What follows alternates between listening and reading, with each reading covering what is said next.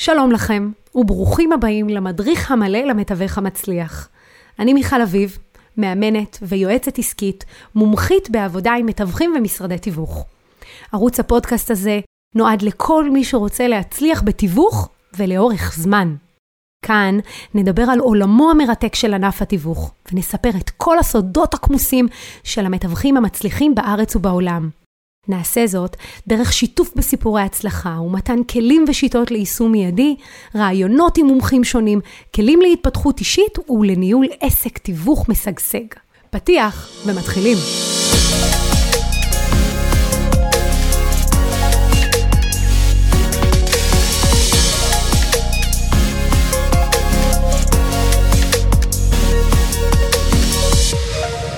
בפרק שלנו היום נדבר על פרזנטציה. שהיא פגישת מוכר פוטנציאלי. מה חשוב להבין בפרזנטציה? וכיצד לשאול שאלות הובלה? קודם כל חשוב להגיד שפרזנטציה היא למעשה תצוגת תכלית של הצעת הערך שלנו עבור הלקוח, כדי שנוכל להמחיש לו למה כדאי לו לקחת מתווך ולא לטפל במכירת הנכס שלו לבד. כדאי קודם כל שנבין שבלי פרזנטציות אין לנו למעשה עסק תיווך יציב. היות והמוכר, קרי גיוס נכס בבלעדיות, בהכרח ייצר עבורכם תנועה של קונים פוטנציאליים. אבל קונה שתעבדו איתו לא ייצר פניות של מוכרים פוטנציאליים, אלא במקרה הטוב ייצר לכם עסקה. ובנוסף, אין עליו בלעדיות, כך שייתכן שתעבדו קשה מאוד, אך בסוף הוא יקנה ממישהו אחר. זה קרה לכם? זה קרה בגלל שהעסק שלכם מתבסס על העבודה הזו עם הקונים. עסק תיווך יציב ומצליח מתבסס על מלאי, שאלה הם הנכסים שלכם בבלעדיות. אז איך אנחנו מגיעים למלאי כזה? אנחנו צריכים ללמוד לגייס נכס בבלעדיות, ואנחנו עושים את זה בפרזנטציה. אז מהי למעשה פרזנטציה? פרזנטציה היא שיחת הובלה שמצטיירת עבור הלקוח כשיחה פתוחה, שבה למעשה מתנהל דיאלוג, לא מונולוג. לא מי אני ומה אני ואיך אני ומה אני אעשה, אלא למעשה שיחה, שיחה פתוחה, שתאפשר לכם לשאול שאלות ובעצם להבין מה הצד של הלקוח, מה רמת המוטיבציה שלו, ועל ידי שאלות ההובלה היא גם תבהיר ללקוח ותעזור לו להסביר לעצמו למה כדאי לו ונכון לו להשתמש באיש מקצוע ולא לעשות את זה לבד. חשוב שננהל את השיחה כדיאלוג שמבוסס על שאלות ותשובות, כי כל שאלה מעבירה מסר, וכל תשובה מחזקת אותו. ולכן חשוב לשאול כל הזמן שאלות ולכוון את השאלה הבאה בהתאם לתשובה שמתקבלת מהלקוח. בפגישות שלי עם מתווכים, אני שואלת, תגיד, כמה זמן מתוך הפרזנטציה אתה מדבר וכמה זמן הלקוח? רוב המתווכים מעידים על כך שהם מדברים ברוב הפרזנטציה, והלקוח בעיקר מהנהן בראש. מה שמעיד שהלקוח או מהנהן בראש כי הוא כבר מזמן איבד אותנו ומחכה שנלך, או מהנהן בראש כי אין לו מה להגיד והוא לא באמת מחובר למה שאנחנו אומרים. פרזנטציה מנצחת היא כזו שאתם שואלים שאלות, אבל מי שבעיקר מדבר הוא הלקוח. הוא זה שעונה על השאלות, ודרך זה שהוא עונה על השאלות, הוא בעצם מבין למה לא נכון לעשות את זה לבד. אל תדאגו, בהמשך הפרק היום סידרתי לכם את כל השאלות שצריך לשאול. לכם רק נשאר להקשיב טוב ולשנן אותם ולהציג אותם בפרזנטציה הבאה שלכם. לפני שאנחנו נתחיל, חשוב לציין כי שאלות ההובלה האלה שאנחנו נלמד היום יגיעו רק אחרי שעשיתם ברור צרכים מעמיק והבנתם את סיבת המכירה ורמת המוטיבציה של הלקוח. תבינו, כל לקוח עובד למעשה על שני צירים. הראשון הוא ציר המוטיבציה. על ציר המוטיבציה אנחנו לא יכולים להשפיע, סיבת המכירה היא לא משהו שאנחנו נוכל להשפיע עליו, והיא בדרך כלל תכתיב את מהירות ודחיפות הרצון למכירה. בשלות זה ציר נוסף עליו נע הלקוח, ובציר הזה לנו יש דווקא כן יכולת להשפיע. לפעמים אנחנו יכולים לפגוש מישהו שהמוטיבציה שלו למכירה גבוהה. הוא רוצה לעבור דירה. הדירה קטנה מדי, אשתו כבר בהיריון מתקדם והוא יודע שהוא חייב לשדרג את הבית. אבל הוא לא כל כך סגור לאן. האם השכונה הזו? האם השכונה האחרת? האם לגור ליד ההורים? הוא עדיין קצת מתלבט. ומה שמניע אותו כרגע זה בעיקר המחיר שהוא יכול לקבל על הבית. בתהליך זה, בשלב הבשלות, אנחנו נוכל להשפיע ולהניע אותו לשכונה כזו או אחרת על ידי זה שנציג לו תמחורים שונים, יתרונות וחסרונות בשכונה המקבילה, ונבין ממנו מה בדיוק הצרכים שלו בנכס הבא. חשוב מאוד שתשלבו את השאלות האלה בתוך שיחה עם הלקוח, תוך תשומת לב רבה לסגנון התקשורת שלו. כידוע לכם, יש ארבעה סגנונות תקשורת מרכזיים: משימתי, מקדם, תומך ומנתח. משימתי ומנתח הם סגנונות תקשורת שהסבלנות שלהם מאוד נמוכה. הרצון שלהם לנהל מקרב הוא מאוד נמוך, ולכן חשוב מאוד ששאלת השאלות תיעשה תוך תשומת לב רבה לסגנון תקשורת הזה. אנחנו לא נוכל לרוץ עם הרבה שאלות כאן, ונצטרך למעשה לשלב שאלה אחת או שתיים, לקבל פידבק ולראות לפי זה את קצב ההתקדמות מול הלקוח, ולא להתעקש לשאול את כל השאלות שאני הולכת להציג. תשומת לב ללקוח, שפת הגוף שלו וסגנון התקשורת שלו, במידה רבה יכתיבו את כמות השאלות שאתם תשאלו ואת אופן הצגת השאלה. אז יאללה, מתחילים? בעל נכס יקר, כיצד קבעת את התמחור? איך אתה משווק את הנכס? איפה פרסמת? האם היו פניות עד כה? מלקוחות פרטיים או רק מתווכים? האם כשהקונה מתקשר אליך, אתה שואל אותו סדרת שאלות סינון? כמו למשל, אם הוא צריך למכור נכס כדי לקנות את שלך, אם יש לו הון עצמי, אם הוא קיבל אישור עקרוני למשכנתה?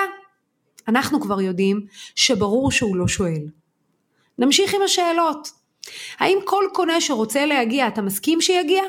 במקרה שבעל הנכס לא גר בבית והנכס מושכר, אתם יכולים לשאול אותו גם, האם כל פעם שקונה רוצה להגיע, אתה מגיע במיוחד להראות לו? כשהקונה מגיע, אתה עושה לו סיור בבית או נותן לו להסתובב לבד? האם אתה יודע מה חשוב לקונה הפוטנציאלי ושם על זה דגש בהצגת הבית? אם הקונה שאיתו הסתובבת זרק מחיר נמוך משמעותית ממה שביקשת. מה אתה עונה לו? האם תחזור אליו אחרי שילך? האם בכלל אתה חוזר לאנשים שהיו בבית וראו אותו? ואם אתה חוזר אליהם, מה הם מבינים? האם אתה בכלל מנהל רשימה? יודע כמה אנשים היו ויש לך את הפרטים שלהם? האם הדבר הכי חשוב לך כמוכר זה המחיר? מה עם תנאי פינוי? מה עם תנאי תשלום? איך אתה מוודא שאתה מקבל את הפתרון המיטבי? במיוחד כשהנכס שלך לא מגויס בבלעדיות, והמתווך, אם יש כזה בעסקה, מטפל בקונה, ולא בך. אם הקונה ירצה לשפץ או לשנות משהו בבית, אתה חושב שהוא ישתף אותך? אתה חושב שתוכל לעזור לו להגיע לאיש מקצוע מתאים? או שהוא יוותר וילך על נכס מתאים יותר עבורו. אם לקונה יש קושי מימוני ואו הוא צריך הלוואת גישור, האם אתה תדע מזה? האם הוא ישתף אותך? ואם הוא ישתף אותך, האם תדע לתת לו מענה? כל השאלות האלה חברים, ועוד ועוד שאלות, הן שאלות שברגע שאנחנו שואלים את בעל הנכס אותם, על חלקם אין לו בכלל תשובה. כי הוא למעשה לא יכול לסייע לקונה הרלוונטי, וגם אם הוא יודע את הפרטים, הוא לא באמת יכול לעשות עם זה משהו. בנוסף, אם הקונה זרק לו מחיר בזמן הסיור, אין לו שום יכולת לחזור אליו. כי אם הוא יחזור אליו, מה למעשה מבין הקונה הזה? שכנראה הצעת מחיר גבוהה יותר, הוא לא קיבל. ועכשיו, מהמחיר שאותו הציע הקונה בסיור, אפשר משם לרדת, משם רק יתחיל המשא ומתן. חשוב מאוד שכשאתם שואלים את השאלות האלה, תיתנו לבעל הנכס את ההזדמנות לענות לעצמו, קודם כל. תציבו אותו בפני הדילמה הזו, ואז תסבירו לו מה אתם עושים בסיטואציה הזו. למשל במקרה של סינון קונים, האם כל קונה שרוצה להגיע אתה מסכים שיגיע? פה אתם מסבירים כמה קפדני הסינון שלכם. כמה חשוב לעשות סינון לפני ולא לבזבז זמן יקר על נכס לא רלוונטי. לפעמים הנכס יכול להיות רלוונטי, אבל הקונה הרלוונטי קפץ מעל הפופיק, אין לו שום יכולת לקנות את הנכס הזה. ואם הקונה הרלוונטי הזה לא מכר את הבית שלו עדיין, אז אין כאן באמת עסקה. בנוסף, חשוב שתסבירו לבעל הנכס שזה לא רק מחיר. אם מחר הוא מקבל את המחיר שהוא רצה, והקונה הרלוונטי רוצה שהוא יפנה את הבית תוך חודשיים, האם זה אפשרי? מה עם תנאי תשלום? כמה הם חשובים וקריטיים בתוך העסקה? הם חשובים מאוד, משום שבעל הנכס זז מנקודה X לנקודה Y לנכס הבא שלו. לפעמים הוא יעדיף הצעת מחיר שהיא 30 אלף שקל או 50 אלף שקל נמוכה יותר, אבל עם תנאי תשלום אידיאליים עבורו, כאלה שמאפשרים לו להגיע לנכס הבא. חשוב מאוד גם שתדגישו בפניו שהיכולת שלכם לנהל משא ומתן היא בשל העובדה שאתם מכירים ומבינים מה בדיוק עובר על הצד השני. הוא יודע רק מה חשוב לו בעסקה. אתם יודעים בדיוק מה חשוב לקונה בעסקה. אתם יודעים כמה הקונה אהב את הבית, וכמה הבית הזה מתאים לצרכים שלו. בנוסף, אתם גם יודעים איזה דירות נוספות הקונה הזה ראה ומתחרים כרגע בבית של בעל הנכס, מה שהוא לא יודע. אתם גם יודעים מה המחיר המקסימלי שהקונה יכול לשלם, ולפי זה אתם למעשה מייצרים פתרון ווין ווין לשני הצדדים.